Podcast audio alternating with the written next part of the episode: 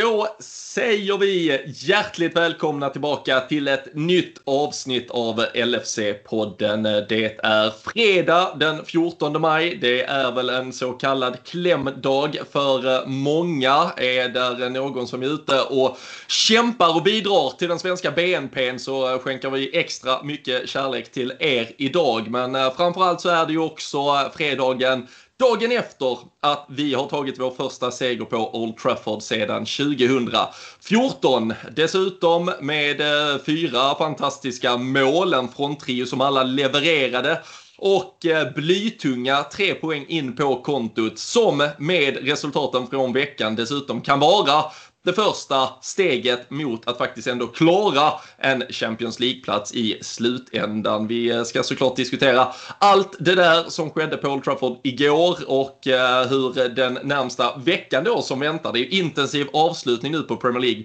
kommer att se ut. Jag har eh, dessutom stärkt upp rejält. Det är en supersub som kommer att kliva in i handlingarna så det här är ett jävla dunderavsnitt att få sitta och göra. Vi gör såklart avsnittet tillsammans med LFC.se. Det är ju där ni håller er uppdaterade på allt som sker intensivt med matcher nu närmsta veckan. Mycket inför, efter, vad händer, vilka spelar, vilka spelar inte och så vidare. Men sen så väntar ju en lång, lång sommar såklart med lite EM-fotboll. Men vi vet också att det kommer vara sill-rykten och eh, massa snack och surr om spelare som ska in och ut och hit och dit och kontraktsförlängningar och annat. Och då är det så jäkla bra att ha LFC.se för att hålla sig ajour och eh, uppdaterad mellan våra poddar. Så se till att eh, besöka LFC.se frekvent. Se till att lösa ett medlemskap om ni inte redan har det. Och nu ska ni bara spänna fast er så ska jag göra plats för en, eh, ja, men ett kärt återseende här i podden och så rullar vi igång ett nytt avsnitt av LFC-podden.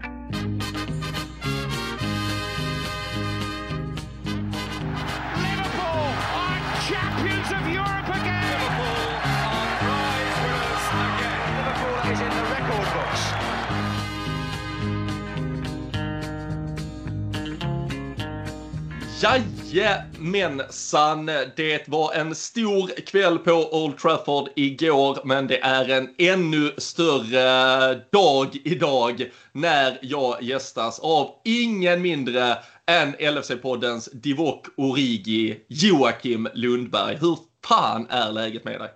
Alltså herregud vilket eh, intro. Det känns som att du har saknat mig. Jag har väl saknat dig lite också, men eh, ja jag är tillbaka. Är det tidernas comeback? Det, jag satt här lite innan och funderade på när var jag med senast i podden? Och kan det varit någon gång i januari, februari? Tveksamt. Jag såg någon post jag på Twitter där, men jag vet inte om jag bara skickat vidare er podd eller om jag var med. Så jag vet inte om jag har varit med ens denna säsongen.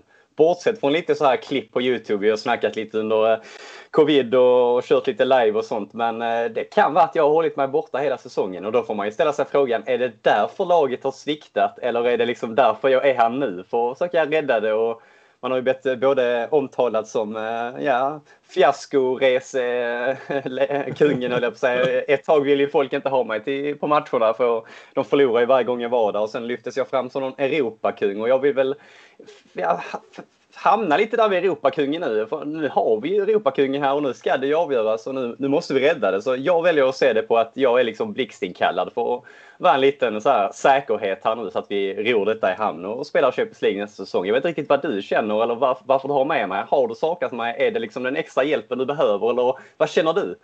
Ja, men det är, det är väl lite egentligen baserat på båda de två teorierna som du eh, ändå eh, tar till bordet där med tanke på att du är en eh, bottler av eh, högsta rang. Du hade det med dig i bagaget sedan tidigare och sen så gjorde du ju ett par otroliga insatser eh, på dina Europaturnéer och nu är vi ju tre segrar ifrån en eh, Champions League-plats och då är det väl egentligen det, det här blir det stora testet. Här tar vi in dig i podden antingen så skiter sig allting nu eller så för du oss ut i Europa igen och då, då blir det ju det vi har som underlag när vi ska kontraktsförhandla i sommar helt enkelt. Ja, men det, det, det kan jag ta. Det känns som att eh, Ja, de här tre matcherna vi har framför oss, de ska jag väl kunna ro i hamn eh, med, med grabbarna. Så äh, större uppgifter har jag väl stått inför på äh, Champions League-finaler och liknande. Så äh, det är dags att steppa upp nu för Jocke Lundberg. Det, det, det är på tiden. Ja, det är det verkligen skönt att du sa det själv i alla fall. Men uh, nej, vi, uh, det är ju inte så att vi inte har, uh, vi två har pratat fotboll eller uh, sett i Liverpool-sammanhang sedan dess. Vi, vi har ju en, du och jag tillsammans i LFC-poddens namn, vi har en sista gruppspelsmatch i Quisaleta kvar ja. som snart kommer ut på Dobb-TV. Vi får inte spoila någonting men Första matchen den sändes för ett par veckor sedan. Hur tyckte du att du presterade där? Ja, men jag, jag, är väl lite eh, precis som du beskrev mig i podden här. Jag blandar och ger en liten joker. Divock är väl ganska liksom, bra beskrivning men sen emellanåt så kan jag vara Mohamed Salah också. Just i, Otroliga just, ord! Ja, men det, det, det, är faktiskt sant. Och, och just ja. i Quisaleta är väl du som är liksom den som bär oss. Eh, sen gör jag från ingenstans lite kanske instick. Ni får väl se och kolla på det och, och bedöma själva. Men lite instick som man inte förväntar sig som kan komma ut. Men eh, har väl lite att jobba på där också. Men tycker vi ändå kan komplettera oss bra. Men det är du som leder. Eh, du drar i tåget och jag sitter långt bak. Men eh, någonstans finns det något fint i det också vill jag hävda. Jag vet inte vad ja. du känner. Ja men så är det. Jag, ehm, jag, jag är Nat Phillips och du är Rhys Williams helt enkelt. Otroligt uh, stark ja, duo. Ja, men, Ja, nej, men, eh, ja, men Quisaleta, där eh, tävlar vi som LFC-podden kan man se på Dobb-TV. Mm. Första avsnittet, eller vår, vår första match har ju spelats och sänts. Eh, den kan man titta på. Vi har en kvar mot Hjalmar Ekdal och Axel Björnström. Den kommer så får vi se om det blir slutspel för oss. Om vi tar oss hela vägen vidare, då blir det fler matcher i så fall. Men här ska vi såklart fokusera på de matcher som Liverpool dels har framför sig, men framförallt framförallt såklart den matchen vi spelade igår. Ehm, tänkte först bara stämma av dig hur du känner för vi har ju pratat väldigt mycket här i podden eh, de senaste, ja men egentligen hela den här säsongen har ju varit märklig med tomma läktare och VAR och allt det har gjort med en. Men sen också de senaste veckorna när det har verkligen stundtals känts avslaget med tanke på inramningen och förutsättningarna med den uppskjutna matchen sedan för förra söndagen då och sen att det började sippra ut att det skulle vara en del problematik att liksom det fanns eh, supporterfalanger som hoppades kunna liksom stöka till det på samma sätt denna gången. Det började komma ut bilder på liksom förstörda bussdäck och det var störningar mot spelare och det, var, krävdes avledningskonvojer med bussar för att ens ta dit spelarna. Och så, så fick man igång lite hets på Twitter också om vilka som gör rätt och vad, är det större perspektivet hit och dit. Jag kände i alla fall när vi väl satte oss till match att det var fan första gången på jävligt länge som jag kände att jag hatade ett motståndarlag igen. Och så jävla gärna ville vinna. Hur, eh, hur upplevde du liksom uppbyggnaden till matchen och framförallt de sista timmarna där inför? Ah, Ja, men eh, absolut. Det är nog typ sådär andra gången den här säsongen man verkligen har fått upp känslorna och hoppet innan matchen. Det kanske var inför första Real-matchen och sen någonting i början av säsongen. Sen har det ju blandat och gett där. Man har ju, ja, både haft utan publik, har ju haft sin eh, ja, usla charm på allt. Vi har haft VAR, vi har haft skador. Så man har ju verkligen haft en liksom, emotionell berg och dalbana och kommit och gått. Och det Leopold gör med en, det är att de, de lurar ju alltid in en i det här hoppet eh, någonstans. Och, och, det hade man ju igår också eh, inför matchen. Och, om man då jämför med vad jag kände typ så en och en halv vecka innan eh, när matchen skulle spelats ungefär så då var det väl ja, lite som, ah, ja, det skiter sig ändå och det är kört och eh, vi kommer inte spela i Champions League och alla har gett upp och spelarna har checkat ut. Men nu med lite resultat som har gått eh, till vår fördel så satt man ju där igen och hoppades och kan väl absolut också instämma i, i hatet eh, eller, eh, mot United.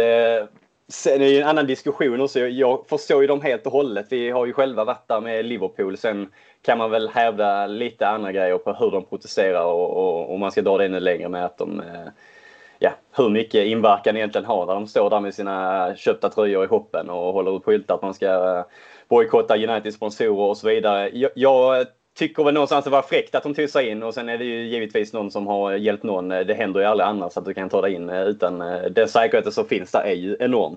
Såg vi igår om inget annat. Det var ju hela ja, armén inkallad men Jag förstår United. Och visst, det är väl den här matchen som rapporteras extra mycket. Lyckas de en gång som de gjorde sist så visste de också att det skulle få extra mycket medial bevakning inför den här matchen. Men eh, lite fjöntigt kanske också att blockera Liverpools buss och liksom dra det så långt. Det, Liverpool har inte med det här att göra egentligen. Visst, Super League i all ära, men de protesterar ju faktiskt mot sina ägare som har varit där i 15-16 år och liksom förstört enligt dem själva. Så fokusen eh, kanske blev lite större än just där de skulle ha den. Men det är klart man satt där och hatade inom matchen och sen när det blåses igång så var ju det här klassiska United-föraktet igång. Jag har ju en brorsa som håller på United också. Vi såg ju matchen tillsammans och det är ju som vanligt eh, hetsigt och absolut ingen familjär eh, känsla mellan oss två när det verkligen är igång i matcherna. Så hörde också att du Robin var lite svettig fick jag höra igår i soffan där hemma. Det var inte gott. Ja, Nej, och då hade vi ju inte ens uh,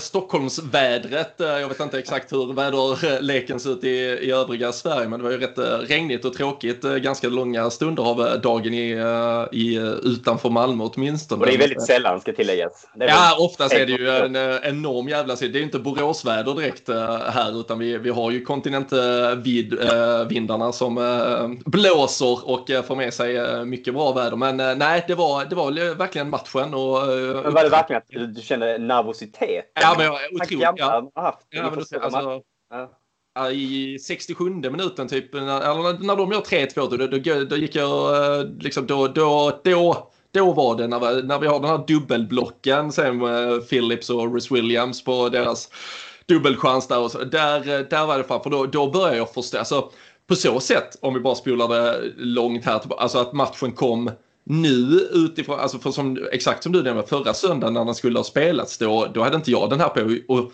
ska vi jag vara helt ärlig så tror jag inte att spelarna riktigt trodde på att den, alltså de hade ju, de, då hade man väl lite halvnöjd med ett kryss. Nu var förutsättningarna så jävla tydliga att vi måste vinna den här matchen. Och det har vi ju fått av att den sköts upp så länge och vi har fått de resultaten vi har fått längs vägen. Så på så sätt så spelar ju Uniteds hela protest aktion oss något i, in i ett läge där vi visste exakt vad den här matchen betydde för oss och det tyckte jag man såg under matchen att det fanns flera procentenheter vilja och eh, inställning hos våra spelare som jag inte har sett på i stort sett hela säsongen. Dels om vi bara tittar internt i vårt lag men också då i förhållande till United-spelarna och det, det gav ju det, det, nej, men det speglades, det, det gav mig liksom samma känslor hemma. Så äh, det var verkligen en, eh, en fotbollskväll som eh, på allvar fick det att liksom äh, brinna lite hemma och det, det, var, det var väldigt, väldigt välkommet och äh, Sen så bara för att avsluta och återknyta till liksom protesterna och det så är det ju som så här, alltså jag, jag förstår ju också att man väljer United, eller Liverpool-matchen med tanke på inramningen och medias blick mot den och sådär. Men Sen när man då påstår från United-håll att det bara har med att ja, det är en stor match att göra och absolut ingenting att det har med Liverpool att göra. Alltså det är klart de är skitnöjda att samtidigt göra det samtidigt som de möter Liverpool. Att eventuellt störa vår situation som den är. Att samtidigt som då ändå samlas 5000 pers utanför Old Trafford både för att skrika att Glazers är dumma i huvudet och att man dessutom då kan passa på att skrika att man hatar Liverpool jävligt mycket. Och Sen så är det ju kanske inte liksom, eh, det är ju inte IQ-reserven som alla gånger samlas utan man står liksom och klagar på och visar sin avsky mot liksom kapitalistägare och samtidigt då i andra andetaget så sjunger man om fattigdomen i Liverpool. Då är man liksom, då är man ju rätt så, eh, ja, det är ju någon ideologisk kompass där i hjärnan som eh, är jävligt skevt inställd. Utan ville man bara stå och gå emot kapitalismen inom fotbollen så tycker jag inte det är på, då kanske man inte i samma, eh, liksom i samma aktion ska planka ner och liksom skicka hat mot ett, ett folk som har haft det ekonomiskt utsatt samtidigt. Men alltså, jag fattar att man gör det som support. Ja, men det, verkligen, jag håller verkligen med dig. Det, är, det är en bra poäng och, det blir lite fel när det är just Liverpool. Om du tar bort all rivalitet och hat så är det egentligen alltså, det är två otroligt mäktiga, mäktiga klubbar som har byggts eh, ja, mer, mer eller mindre på samma sätt och har liksom städerna är väl väldigt lika hur de eh, både ser ut och vart de står och finns ju även mycket arbetslöshet i, i Manchester. Jag tror till och med den är större än vad den är i Liverpool just nu. Så mycket sådana grejer att väga in. De är väldigt lika, både lagen och klubbarna och städerna. Allting. Så jag kan väl snarare tycka att varför står vi inte tillsammans eh, nu, här och nu istället och visar lite storhet och lägger undan eh, det där hatet just i den här frågan? För det är ju någonstans ja, men, fotbollens framtid och, och, och, där är vi båda, United och Liverpool, har ju visat hur man kan bygga det på sikt och liksom inte bara chippa in eh, ytterbackar för miljarder och så vidare utan det är någon liksom, historik, tradition och allt det här du alltid vill lyfta. Det, det speglar sig verkligen i båda klubbarna på ett otroligt mäktigt sätt. Vad man än tycker om United så är det ju en klubb som jag någonstans har mycket mer respekt för än, än många andra klubbar. Eh, verkligen. Absolut. Absolut.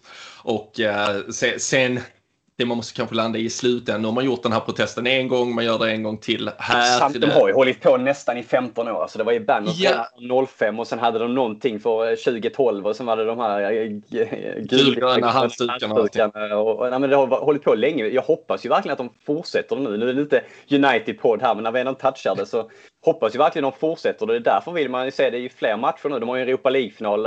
Visst, det är inte Champions League-final, det... men har ju samtidigt strålkastarljuset på sig. De kanske kan åka dit, men något kanske de kan göra. Jag hoppas att de drar det längre. Ja, jag förstår om, Ja, absolut. Jag förstår dem till fullo mm. också. Men det är som du säger, samtidigt då det har gått 15-16 år de har inte fått till någon förändring. Då är det också så här, är detta då rätt väg att gå? Liksom, alltså, Chelsea har fått in mandat i, i styrelsen. Tottenham kommer att ha supporterrepresentation också. Liverpool via Spirit of Shankly. Uh, deras kommunikation senast igår var ju att liksom, man fortskrider det arbetet om representation liksom, i styrelsen eller i någon direkt underordnad kategori som ska ha sin uh, sägning i viktiga frågor också vidare. Um, sen förstår jag, alltså Glazers, och det var ju också viktigt, alltså det var ju också en debatt efter Superliga-debaclet, liksom att det finns, det finns mindre bra, och det finns väldigt, väldigt mindre bra liksom, ägare i sammanhanget och Glazers är ju kanske de absolut värsta uh, och det är bara baserat på uh, hans jävla frisyr, den jävla idioten så förstår man ju eh, att de vill bli av med honom. Men eh, nej, eh, vi, vi släpper det och konstaterar att det ändå blev match. Det blev avspark på utsatt tid och allt man har i alla fall kunnat höra efteråt var väl att Liverpool inte kände sig ändå direkt störda av det utan man kunde hålla sig till de mesta vad gällde tidsplaner och planering i övrigt. Så det var ett Liverpool-lag som klev ut på Old Trafford och mest anmärkningsvärt var väl att Sadio Mané kanske bänkades. Han var ju i den startelva mot United för då drygt två veckor sedan som skulle ha spelat. Sen eh, däremellan så har det varit match mot Southampton där han gör ett första mål på väldigt länge. Men eh, här eh, valde Klopp ändå att gå med övriga tre och vi kan väl återkomma till det men Sadio Mané var ju verkligen inte nöjd efter matchen. Men valet i sig överraskade dig?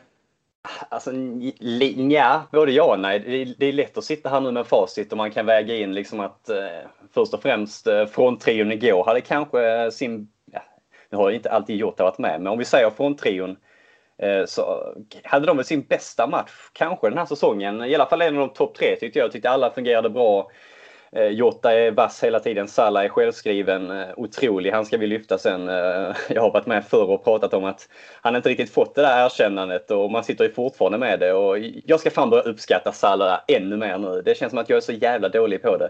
Firmino liksom har gjort ett mål på 23 matcher innan igår. Kommer in och dunkar in två baljor. Liksom när man har det facitet och sen sitter och ser eh, det som händer efter matchen med Mané och Klopp där. Ja, då, då känner man nästan bara att Mané kommer kanske inte spela någon av de tre kommande matcherna. Visst, kanske på grund av rotation. Det är ett tajt spelschema. Men så som de tre presterade igår.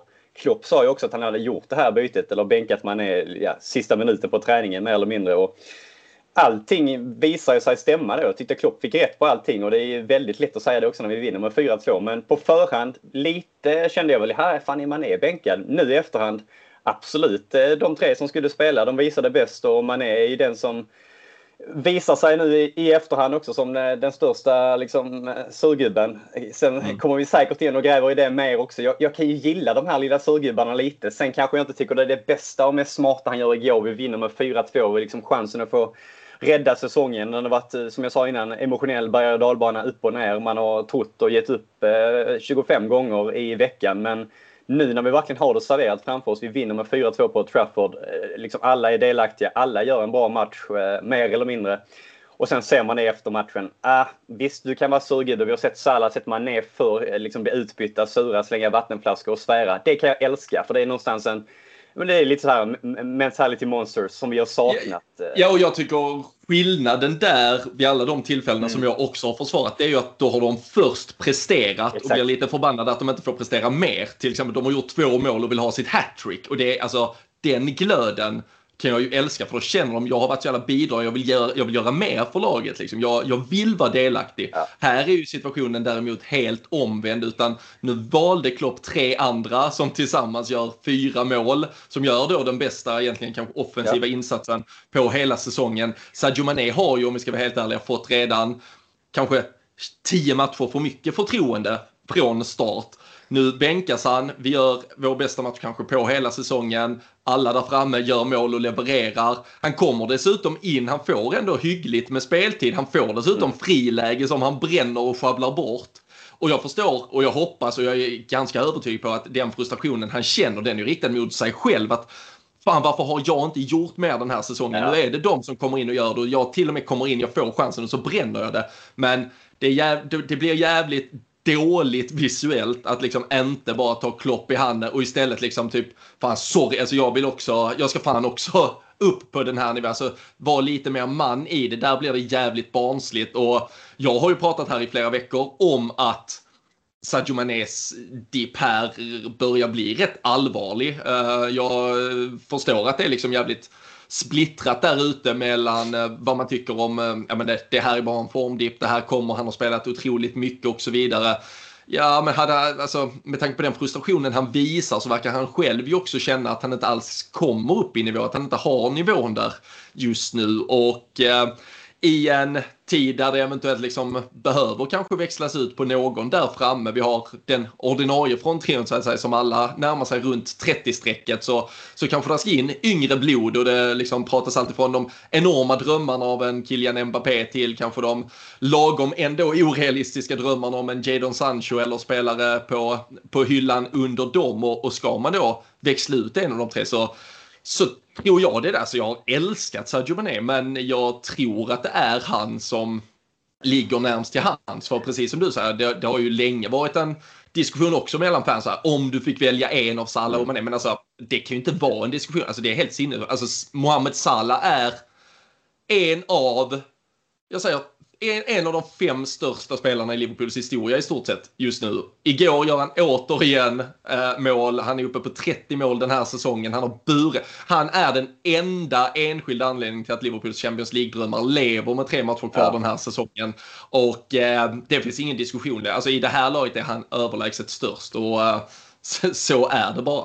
Ja, men alltså det, det, är helt otroligt. Jag sa det innan jag började snacka här, så man har ju pratat om det innan med Salah, hur underskattad han är. Men jag, jag sitter fortfarande inte och eh, liksom bara njuter av honom. Jag måste bli bättre på det. Så det kom någon statistik här nu. Han gjorde sin 200 match igår och drog de ju fram med historieböckerna. På 200 matcher var det ju Roger Hunt på 133 mål, Gordon Hodgson 125, Fowler 124, Salah 124 och Rush 123. Alltså det, det är man förstår nog inte att det är en gubbe som kommer att hänga i de här böckerna liksom om eh, fan vet jag, 15-20 år när man kollar på Liverpools historieböcker, målskyttar och så vidare. Då kommer Mohamed Salah vara där och han är inte ens klar. Och det är det jag känner att fan, jag har jag verkligen uppskattat hans eh, sista år här. Kanske inte riktigt. Hela laget har varit jävligt bra också. Det är svårt att liksom bara fastna på en gubbe. Förr har det kanske varit en Suarez, en Torres, en Gerard och stuckit ut mer nu och vi har haft en första elva som har varit bra på så många sätt. Så jag, jag, först och främst jag ska börja njuta av Salah med. Jag ska bara sitta och titta på honom. Han är självskriven nu, du var inne på det. Mané har ju egentligen ja, säkert ett halvår varit på övertid. Det har varit eh, Jota skadad, han har liksom fått spela på grund av det. Firmino har ju inte varit jättebra heller. Kommer nu in och ser ut som han har fötts på nytt och gör två eh, mål och man älskar honom igen och ger bollen till Bobby och han gör mål och allt det där. Det, nu är de tre skrivna längst fram. Sen tror jag väl också att Alltså, jag lägger inte ett skit i detta. Jag tror det är lätt att man är på träningsanläggningen idag och skämtar med Klopp och resten av eh, grabbarna. Liksom, det, det känns som man är liksom så, den gubben. Att han kan se väldigt förbannad och sur och bitter ut i stunden men sen liksom kommer det där smilet fram ändå. Så jag tror det är ganska lugnt men sen är det så jävla onödigt och det sänder ut så fel signaler när faktiskt hela laget gjort en jätteinsats. Ja, nej jag, jag håller jag Men nu ska vi lyfta Salah. Ja, nej, men, ja och, och jag vet inte riktigt var, var man ska börja. Så jag, jag tycker jag har, jag har försökt vara väldigt bra Alla. på det. Äh, alltid att, att hålla den där egyptiska flaggan äh, väldigt högt. Äh, såklart en speciell dag för honom att få göra det. Målet eh, igår och eh, som jag skrev också, det finns ju inget vackrare. Det har ju blivit eh, hans lilla signum. Det var ju Fernando Torres hade att få Nemanja Vidic utvisad. Mohamed Salah har att springa fri från halva plan mot United och lägga in ett friläge och döda matchen i 90 minuten. Och det, Ja, det finns ju få saker som är vackrare än att se honom springa från halva plan där och firandet efteråt. Dessutom med kaptensbindeln, Gini Wijnaldum var ju lite ah. osäker på vem han skulle ge den till. Det var ju debatt efter Midtjylland-matchen när eh, Liverpool valde att göra Trent Alexander-Arnold till den yngste kaptenen någonsin och eh, Mohamed Salah uppgavs ju vara lite frustrerad över det. Eh, hur mycket sanning det fanns i det, ingen aning. Men eh, igår gav eh, Gini den till Mohamed Salah och eh, han avgör en så viktig match på en så speciell arena med ett så liksom viktigt mål skjuter oss mot en Champions League-plats med binden runt armen, gör sitt 30 mål för säsongen. Som du säger, historieböckerna vad gäller 200 första matcher. Um, alltså jag tyckte liksom, ja, de sekunderna från att han är fri från halva plan till att bollen ligger i nät till att han liksom glider ut på knäna. Uh, det enda som saknas är väl kanske att han inte gick ut och kysste kameran alla Steven Gerrard på samma arena, men uh, det är ah, vi, eh, vi lägger oss väl platta. Men fan, fan vad man firar det målet dock. Alltså när han gör 4-2. Det var länge sedan ja, man kände ja, den. Det, eh, alltså, men det, det var... kändes som att man tappar så mycket skit inom en som bara flög iväg och så ser man han springa där i 150 km timmen och Henderson, står, jag vet inte hur han står i målet. Det har varit mycket bilder på Twitter. han, han pallar inte. Han bara vet att den kommer gå in. Men det är återigen sjukt viktigt mål om det skulle bli en eh, målskillnadshistoria mot Leicester. Man vet ju inte hur fan, vad som händer inte och alla scenarier. Men nej, Sen vill jag ju också stanna i, alltså Wijnaldum kapten. Det var en, en, grej jag satt och tänkte på igår. Alltså han symboliserar ju verkligen noll på en fotbollsplan som har att göra med att få igång ett lag. Alltså jag är så jävla trött på att se honom. Ja. Det, det, det, får vara nog nu. Jag fattar inte hur han kan vara kapten. Nej, det är, vi ska stå ut tre matcher till. Eh, Nej, det, får vara nog nu. Jag, jag ja. har tagit liksom, uh, stoppen, plåstret, vad fan man vill säga. Jag vet inte, men han är klar för mig faktiskt. Det, ja. det, det är slut. Det räcker nu. Jag, eh, jag kan bara hålla med. Uh, och, jag, och, jag, tycker på egentligen för, för alla uh, här, både vad gäller uh, Gino Wijnaldum, vad gäller laget och, och supportrar, så, så, är det nog dags verkligen att få det här bokslutet efter de här tre matcherna. För man ska verkligen komma ihåg att Gino Wijnaldum var en av de första liksom, han var ett fundament i det som blev kanske ett av Liverpools bästa lag genom tiderna. Så när vi väl ska summera och titta tillbaka på hans karriär så vet jag att alla kommer minnas honom för jävligt viktiga saker Absolut. han har gjort och mål mot Barcelona och allting. Men det, det är ju lite som, alltså så upplever man ju med alla viktiga spår. Jag ser absolut inga liknelser i övrigt, men det är klart att man satt på slutet av Steven Gerrards karriär och kände fan, han får ju inte ut någonting av, alltså det får man ju alltid, når, man når alltid de punkterna. Och eh, just nu så har ju Gini Wijnaldum varit lite symbolspelaren för ett Liverpool som inte som inte kom upp i fart, som istället för att sätta bollen vänder om en gång till och det vänds om och det vänds om och det vänds om. Och, och det, det har ju varit en frustration att se honom på det mittfältet. Så äh, det, ska, det ska bli skönt att göra bokslut för det. Och äh, i samma andetag så kan man ju däremot konstatera att äh, de övriga två på mittfältet, eh, Fabinho och Thiago, som nu har startat sex matcher tillsammans på mittfältet. Fem segrar och ett kryss och det var mot Everton borta och det var ju egentligen en Sadio Mané-armbåge ifrån att det också blev en seger där faktiskt. Eh. Och eh, då ska man ju komma ihåg att även en Jordan Henderson ska in på det där mittfältet. Uh, Thiago har man ju verkligen slitit sitt hår kring och man har inte velat eller kunnat riktigt bestämma sig för är det han som är för dålig eller är det omgivningen, vad är det som gör att det inte funkar? Men uppenbarligen så verkar det finnas en klart mer i alla fall vinnande kombination i att uh, spela mittfältsspel tillsammans med Fabinho och igår var det ju ett viktigt val av Klopp att våga lita på det mittbacksparet han hade och behålla Fabinho på mittfältet. Är det nu, är det, nu det vänder, eh, Thiago? Det är frågan. Alltså, är, är det målet där eh, häromveckan och, och lite annat gött som har eh, fått eh, fram hans bästa i sig själv? Tyckte han var väldigt bra både framåt och bakåt. Han är ju delaktig i många fina passningar framåt och sen är han ju eh, fortsatt lite frustrerande. Det var väl Danne Forsell som får väl ändå lyfta hans Lukas Leiva-liknelse. Men han drar ju på sig många av de här frisparkarna som Visst, ibland är de viktiga och jag förespråkar att man ska ta vissa frisparkar bara för att förstöra för motståndaren. För det är något jag tycker Liverpool-lag haft eh, problem med och aldrig gjort eh, förr eller eh, några år tillbaka. Men det är många onödiga tacklingar och gula kort och inte de smartaste. Det är väl är det han eller är det Fabinho där med Fernandes frisparken? Skitsamma, det skulle kunna vara Thiago. det, det är Thiago Ja. som tar med hans där. Och det, och det I är och för sig det är med hans, men han Ja men ändå, det, det, det är exakt samma läge som, det står väl 2-2 mot dem i FA-cupen när vi drar på oss en frispark i exakt samma läge som Fernandes lägger in där och, och liksom vinner matchen. Och nu gör vi det när vi leder med 3-2. Jag var helt, där, där, jag kan säga om det var svettigt och nervöst, där, där gick jag ifrån tvn. Det, jag, såg, jag vet inte vad han gjorde med frisparken sen Bruno faktiskt. För det,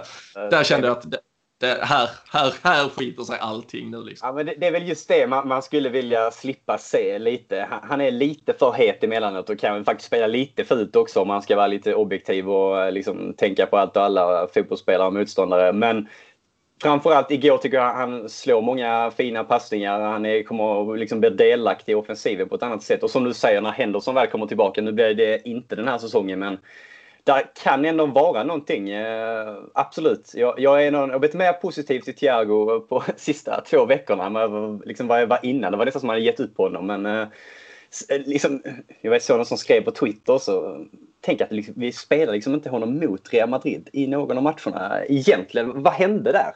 Kan det vara liksom Klopps största misstag? Nu ska vi inte eh, grotta i gamla grejer, men han har ju ändå någonting. Han verkar bara inte fått ut det. Vänta, har du något hopp om Thiago eller det... Ja, nej, men det, det har jag och jag tror att det måste man ju såklart ha. Uh, och uh, man måste ju så, jag skrev det i, uh, i morse när man liksom tittar tillbaka lite på, alltså med tanke på den, den lilla men ändå väldigt ta- talande statistiken på hur det ser ut när han spelar med Fabinho uppenbarligen och, och sen om man då får in en Jordan Henderson så har vi i alla fall ett startmittfält som jag tror alla lag i världen hade varit sjukt Ja. nöjda med. Eh, om vi lägger till det att vi ska ha in både ja, vi har väl en fyra, fem mittbackar som var borta om vi tittar till, till laget igår och åtminstone kanske dessutom en ny mittback på väg in så tycker jag ju också att liksom vår försvarslinje och sen då ett startande mittfält. Sen behövs det absolut kanske fyllas på med en Gino Wijnaldum som försvinner, en Naby Keita som kanske har sin fotbollsframtid någon annanstans, en Oxlade som inte har en fotbollsframtid överhuvudtaget och vissa andra så kanske det ska in någon mittfältare absolut också. Curtis Jones är väl egentligen den enda som på sikt på riktigt kommer att konkurrera på det där mittfältet i så fall. Men sen börjar man ju med om jag känner att det är ju då i offensiven när man tittar på det där Mohamed Salah är självklar men där det kanske ska in både en eller två spelare som ska kunna konkurrera, eventuellt till och med växla ut då Sergio Mané och en nia. Och sen att dessutom ha Diogo Jota, jag tror ju, alltså Roberto Firmino är ju en sån kultspelare och legend så att jag hoppas ju verkligen att han avslutar med tre fyra år till eller. Jag tror att han kan göra ett jobb på någon position i, och i någon roll väldigt länge i Liverpool. Och jag hoppas att han stannar och sen så har man dessutom en Harvey Elliott på tillväxt. Men, men jag tycker ju att väldigt mycket i liksom ett grundspel och en grunduppställning från målvakt, försvar och mittfält har vi antagligen på plats. Och där, jag tror inte vi ska i alla fall ut och köpa startspelare nödvändigtvis på de positionerna utan det ser jag i så, i så fall snarare till liksom offensiven för det där mittfältet med Fabinho, Thiago och Henderson det, det vill man ju verkligen se på, på allvar och under en lång tid tillsammans. Jag, jag håller med dig. Sen något jag har tänkt på väldigt mycket, det har väl alla andra också gjort. Om jag säger uh, resolut no nonsense defending, vem tänker jag på då? No nonsense defending. Jag såg någon som skrev det och tyckte det var så jävla spot on på Nat Phillips. Det borde du kunnat. Ja. Sicken legend alltså. Du gav mig inte ens chansen att svara. Nej, men du, kunde ju inte. Man märkte det var ju eh, liksom helt Det var- 55 Det var som någon sa, det var, det var, Ja, men han symboliserar ju verkligen all fighting spirit typ igår. Alltså. Jag tycker otrolig gubbe. Sen är att han blandar och ger liksom. Du kan snacka om målet, det är ju bara ren otur. Jag kan tycka att att eh, Bruno ens får komma in i den ytan. Det är väl Fabinho framför eller någonting. Det är alldeles för enkelt att han kommer fram där och sen re- eh, revanscherar han sig när han är ute och, och liksom dansar och showar i straffområdet. Får fram bollen till, till Jota och sen har han någon på mållinjen. Han rensar. Men han är inte uppe och vinner bollar i luften. Han står rätt. Han är orädd och han sätter fram prägen på laget. Eh, Han är ju trots allt ett femte val eller vad vi ska säga. Det fanns inga planer för honom för typ ett halvår sedan. Men fan vad mäktig han är alltså.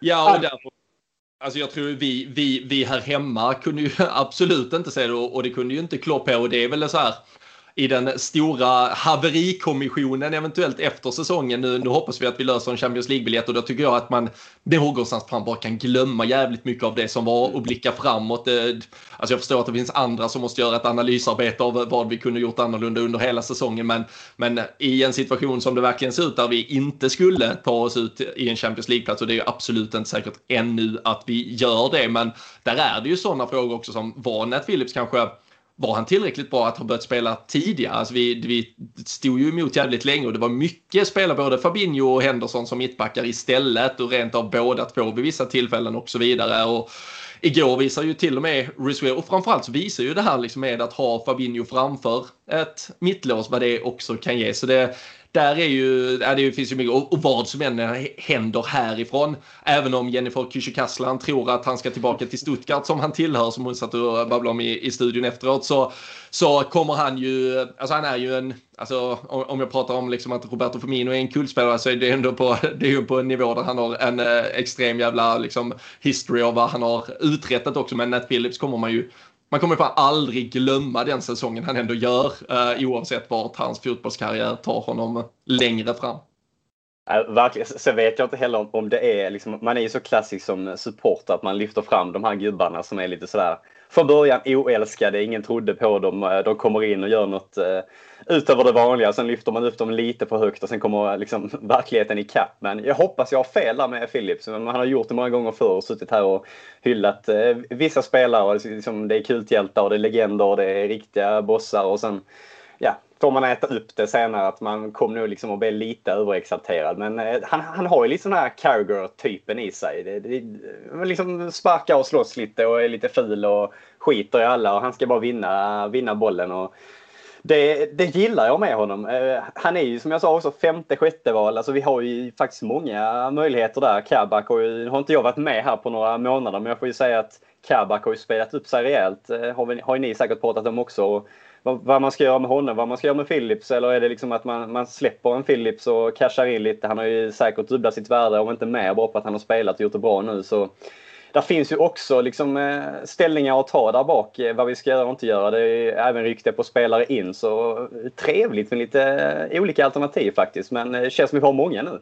Ja, nej, verkligen. Och eh, ett alternativ som eh, Garrett Southgate inte var eh, helt nöjd med, det var ju på eh, högerbackspositionen i eh, Liverpool och eh, i det engelska landslaget. Eh, jag var ju verkligen, det får man ju, det är ju bara att liksom krypa till kors med att jag var inte alls helt säker på hur Trent efter en dålig säsong. Det tror jag alla ändå kan enas om att det, det hade ju inte sett eh, jättebra ut och så fick han liksom den smällen av Southgate att han nu inte ens var liksom topp tre högerbackar och eh, att uh, spelare som Reece James och Kieran Trippier skulle vara bättre. Ehm, det finns ju såklart två vägar att gå från det och det är ju att antingen gräva ner sig helt eller göra det som Trent Alexander-Arnold har gjort och det är ju bara att imponera så hade Brendan Rodgers suttit här hade han väl pratat om great character, utgår jag ifrån i alla fall. Men eh, har ju varit fantastisk, har gjort mål och assist, viktiga insatser. Och igår, eh, ja det är två assist men eh, han är också framme vid någon av omställningarna och nästan gör mål själv. Han eh, lägger den där pinpointade bollen till Manen, han missar sitt friläge, han har väl en till Jota när Henderson kommer ut ganska bra och står, står upp i friläget. Men alltså vad vad, vad, säger man om honom och liksom insatsen igår, det, ur ett individuellt perspektiv är det ju bland det, är det bland det svettigaste man har sett i en sån här stormatch av en sådan spelare. Det var därför du var så svettig. Men alltså, eh, när, han, när han spelar som igår då är han ju eh, alltså, världsklass utan dess like. Han är ju den mest kreativa spelaren vi har i laget. Och som du sa, det är, det är tur att Southgate var på plats. Så kanske han får en eh, plats nu när de har utökat eh, trupperna till EM också. Kanske kommer in som sista gud. Det, det är ju bara pinsamt. Eh, han ska ju vara med. Han är given. Sen eh, kan man ju fortfarande gnälla lite på defensiven. Jag hade ju velat se han på mittfältet, men då, där har vi redan gubbar. Så det är sådana skönhetsproblem. Men fan, alltså han slog väl, var det fem så här key passes och två assist om man nu räknar in det där skottet som du är uppe och pratar om. Helt dominant faktiskt blandat och gett lite där eh, sen det här kom ut med petningen. Men framförallt har han ju bara höjt sig enormt. Det var väl någon match eller två där han... Ja, det var Real Madrid emot ja. kanske. Ja, men precis. Vinicius där, han hade emot sig. Men annars är det, han har ju verkligen bara spelat upp sig. Jag undrar ju om det är någon annan engelsk spelare som har spelat upp sig, eh, som är aktuell eller given i landslaget till EM-truppen, som har spelat så bra sista ja, Nej, men det jag, två månaderna. Det tror jag inte. Alltså det, eh, alltså det, det, det visar ju verkligen karaktär och han var ju verkligen uttänkt. Han hängde ju på varenda löpsedel och det var det ena och det tredje. Man vet hur det blir när, när någonting går emot en i England och det är värre än på någon annan plats i hela världen. Så otroligt starkt, verkligen.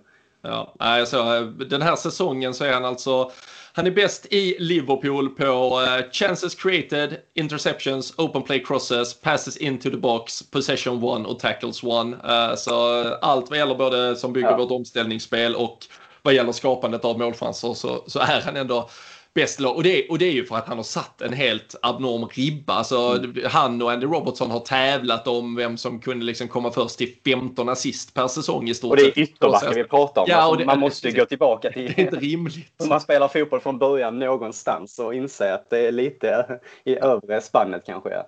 Och sen tror jag ju framförallt i defensiven så har han ju lidit enormt av att där, alltså han har ju varit liksom eh, van Dijks eh, lilla pojke som eh, där, där han har kunnat diktera liksom att nej men nu vill jag ha dig 10 meter längre ner eller nu är det okej okay att gå fram eller här har vi en fast situation. Du vill jag ha dig i denna ytan.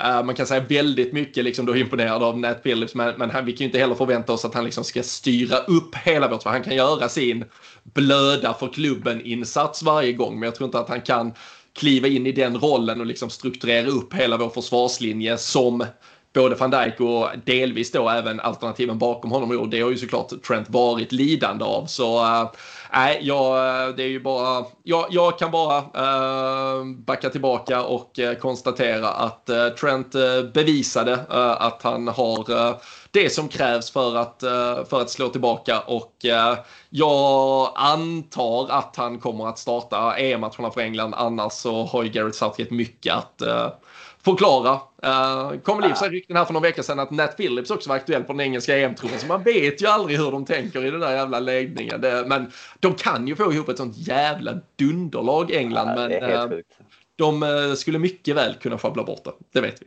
Ja, sen som du säger också till Trents försvar. Det blir, det blir så liksom jag ska inte säga drygt, men man har suttit och pratat om det här försvaret hela tiden och skadorna och det är nya konstellationer har varit var och varannan match förutom kanske nu på slutet när vi har fått ihop en liten fyra som har kunnat spela och varit friska. Men det har ju verkligen varit nya spelare hela tiden och sen bör man väl ändå lyfta upp Allison också. Han är ute och blundar igår också lite och slår några dumma passningar och han får fan skärpa sig. Alltså, annars får man eh, låsa fast de där benen i brassegrillen i hans trädgård. någonting. Det, det håller inte att han är ute och turnerar så mycket. Det är nog fan, åtta gånger den här säsongen om det räcker. Han, han måste ju skärpa sig och ta sig i kragen också. Men sen förstår man ju också att när man har en van Dijk och en eh, kanske Gomes eh, framför sig så har du ett annat lugn och kan spela ut på ett annat sätt och du vet eh, hur det funkar. Men eh, det måste vässas i hans fötter alltså.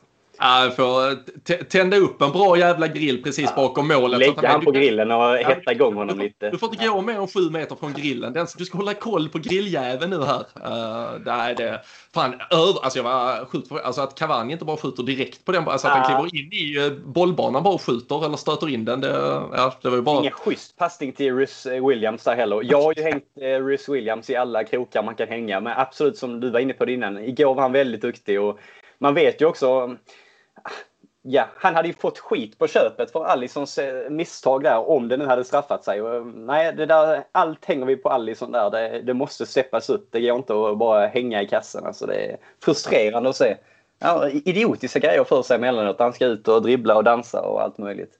Ja, men verkligen. Men eh, äh, tre otroligt äh, viktiga poäng äh, in på kon. finns ju klart äh, massvis att, att prata om. Men du har ju nämnt i förbifarten. vi gladdes med mm, Firminus två mål. Jota med sitt efter Nat Phillips hårda arbete och så vidare. Många bra och en fantastisk härlig seger. Men i slutändan så kommer de här tre poängen bara vara så viktiga som vi vill att de ska vara ifall vi också gör jobbet i de avslutande avslutande matcherna. Nu är det ju eh, drygt hälften av lagen som spelar här till helgen. Det är ju vissa som redan har spelat det eller tar igen då en uppskjuten match och så vidare. Sen har vi även fa Cup-finalen mellan eh, Leicester och eh, Chelsea som gör att de inte spelar nu. Men eh, det är ju de två lagen vi gör upp, eh, framförallt om eh, de här Champions League-platserna med. Så eh, vi har West Bromwich på söndag, sen har vi Burnley på onsdag och eh, det kommer också vara första gången då publik kommer tillbaka på arenorna så det kommer vara en del publik på Turf Moor och sen avslutar vi ju hemma mot Crystal Palace med 10 000 fans på Anfield, eh, bara det. Eh, på tal om att svettas, fan vad man hade velat svettas i, i det publikhavet med dig på axlarna. Ja, eller att du hade varit på mina axlar. Kanske ännu säkrare. Men... Inte säkert hade orkat, men... Nej, det tror jag inte heller. Det är, det, det är stor tyngd där. Ja, men det, det, är ju tre skitmatcher. Det är ju sådana pisslag, men fan vad man mår skit alltså. Alltså man hör West Bromwich, Burnley och Palace och man börjar redan liksom känna att kroppen höjs 40 grader höll jag på att säga. Men eh, varför? Alltså ingen har någonting att spela för. Alla är ingenmansland. Eh, West Bromwich har ju åkt ut och mm. det är ju pisslag. Sen så liksom kollar man, ja West Brom de tog ju poäng på oss på Anfield i där december. Det var en sen kvittering. Även eh, Burnley slog ju oss. Ashley Barnes eh, tryckte in en straff. Exakt. Och sen så såg man ju att Pallas var i den där 7-0 matchen när man fick lite hopp igen. Och, alltså blev man ju liksom så en cocktail av blandade känslor och man har inte kommit fram till någonting. Men jag tror nu att Pallas-matchen är helt säker. De förlorar inte inför 10 000 där. Nej, det tror inte jag heller. Nej. Eh, lever det, liksom, har, vi det, har vi det i våra egna händer fram tills dess, då, ja. då, då, löser vi det. Jag är mycket mer, framför, alltså, och jag tror på alltså West Är det Burnley med lite publik? Ja, alltså Burn, Burnley med, och... med, lite publik. Eh, Chris Wood i uh, form of his life och uh, uh, den, är, den är lite rälig.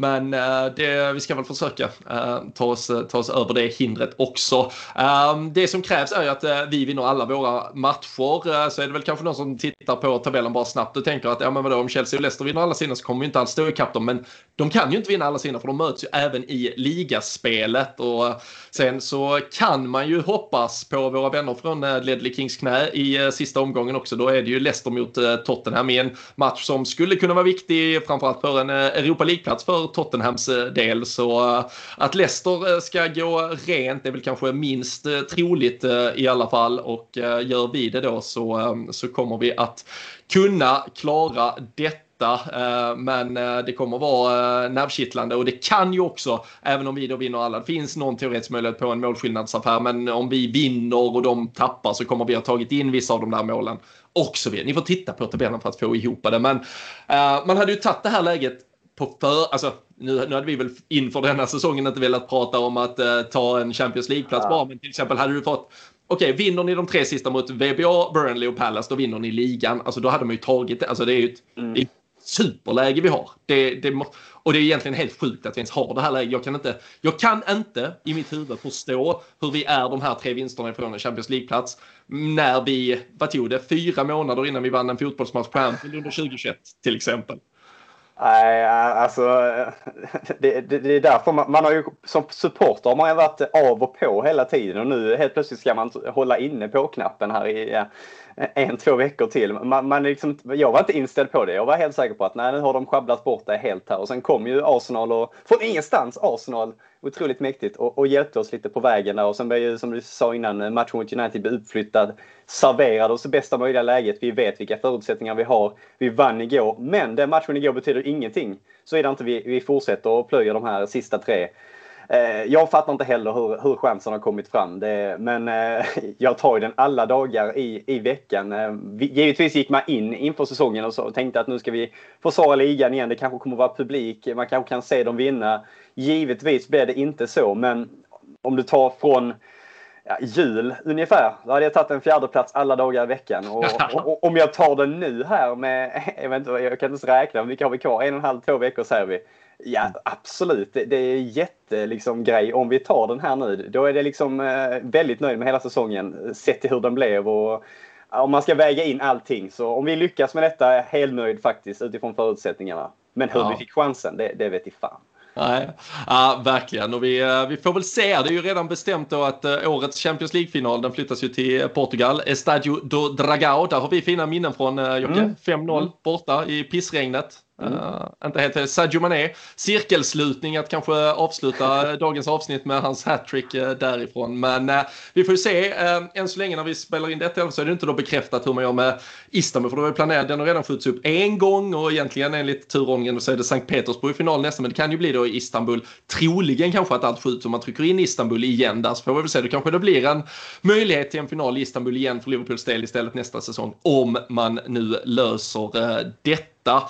Jag, ehm, jag tror ingen har missat det, men vi kan väl jättekort bara avsluta också med eh, de orden som jag tror gladde annars Liverpool-fans mest denna veckan Jocke. Och det var ju att Virgil van Dijk bekräftade att han hoppar eh, EM-slutspelet med Holland och istället fokuserar fullt på sin rehabilitering för att vara fit for fight eh, nästa säsong. Det var besked man tog emot med stor glädje i veckan. Ja, men det, det, är ju mäktigt i sig också att han får en försäsong med, han får möta liksom eh, Wrexham och något annat. Eh, väldigt positivt. Eh, så Klopp var ute.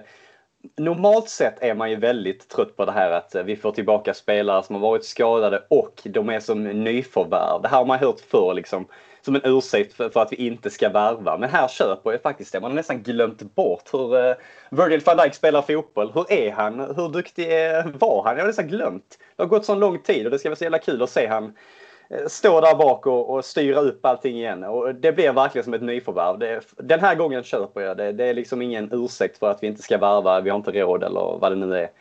Och det som, är, det som, Ja, och det som är så mäktigt med Van det är, är ju att man kommer ju, man kommer verkligen se när han går in och spelar fotboll. Alltså, för man ser mm. ju van Dijk när han spelar fotboll. Alltså, om vi, alltså om vi spelar Joe Gomez eller Joel Matip, även om de har olika egenskaper, så det är inte så att du ser liksom vid blotta anblicken att Liverpool har ett helt annat lag. Men direkt du ser Vigil van Dijk så kommer du, du kommer se en närvaro, du kommer se en hel förändring i både försvarsspel i anfallsspel, alltså ett risktagande. Han vet exakt vad att göra, ett lugn. Det, Oh, nej, det, är, det är få spelare som har den eh, auran av att äga en fotbollsplan som han har. Alltså det är visst, typ Zlatan, alltså det är bara någon som kommer upp i huvudet. Det är väldigt få som du ser utan att behöva liksom, äh, veta vad det är för tröja eller nummer. Du bara ser att ja, det är van Dijk. Och, nej, den våta drömmen nu är... Nu börjar det bli svettigt igen här. Alltså. Ja, det blir svettigt. Men uh, vad ska vi säga? Kan det vara sådär 12 juli, träningsmatch på Prenton Park mot Tranmere, van Dijk och Jay Spearing mot varandra? Det, är, det då? Är det då det smäller? Är det ja, då, blir man samtidigt livrädd, livrädd att det är Jay Spearing på andra sidan som kan komma in sent till någon jävla tackling här. Och, på, och på, på, på, tal, på tal om liksom verkligen närvaro på en fotbollsplan.